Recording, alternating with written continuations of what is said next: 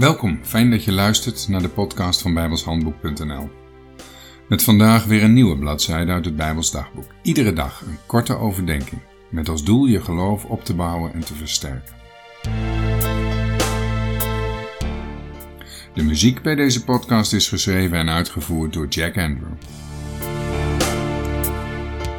Het is vandaag 26 januari en ik wil beginnen met het lezen van Jeremia 23, vers 29, waar staat: Is mijn woord niet al zo en als een hamer die een steenrots te morzel slaat?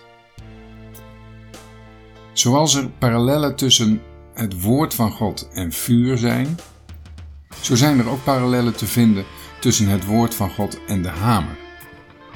De hamer komen we in de Bijbel negen keer tegen.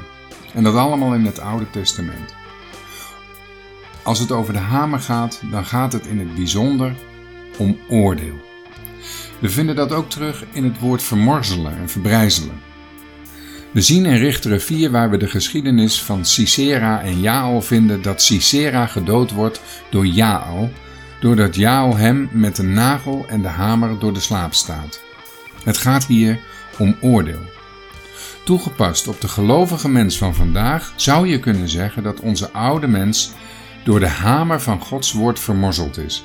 Ons stenen hart is door de werking van het woord en de geest een hart van vlees geworden.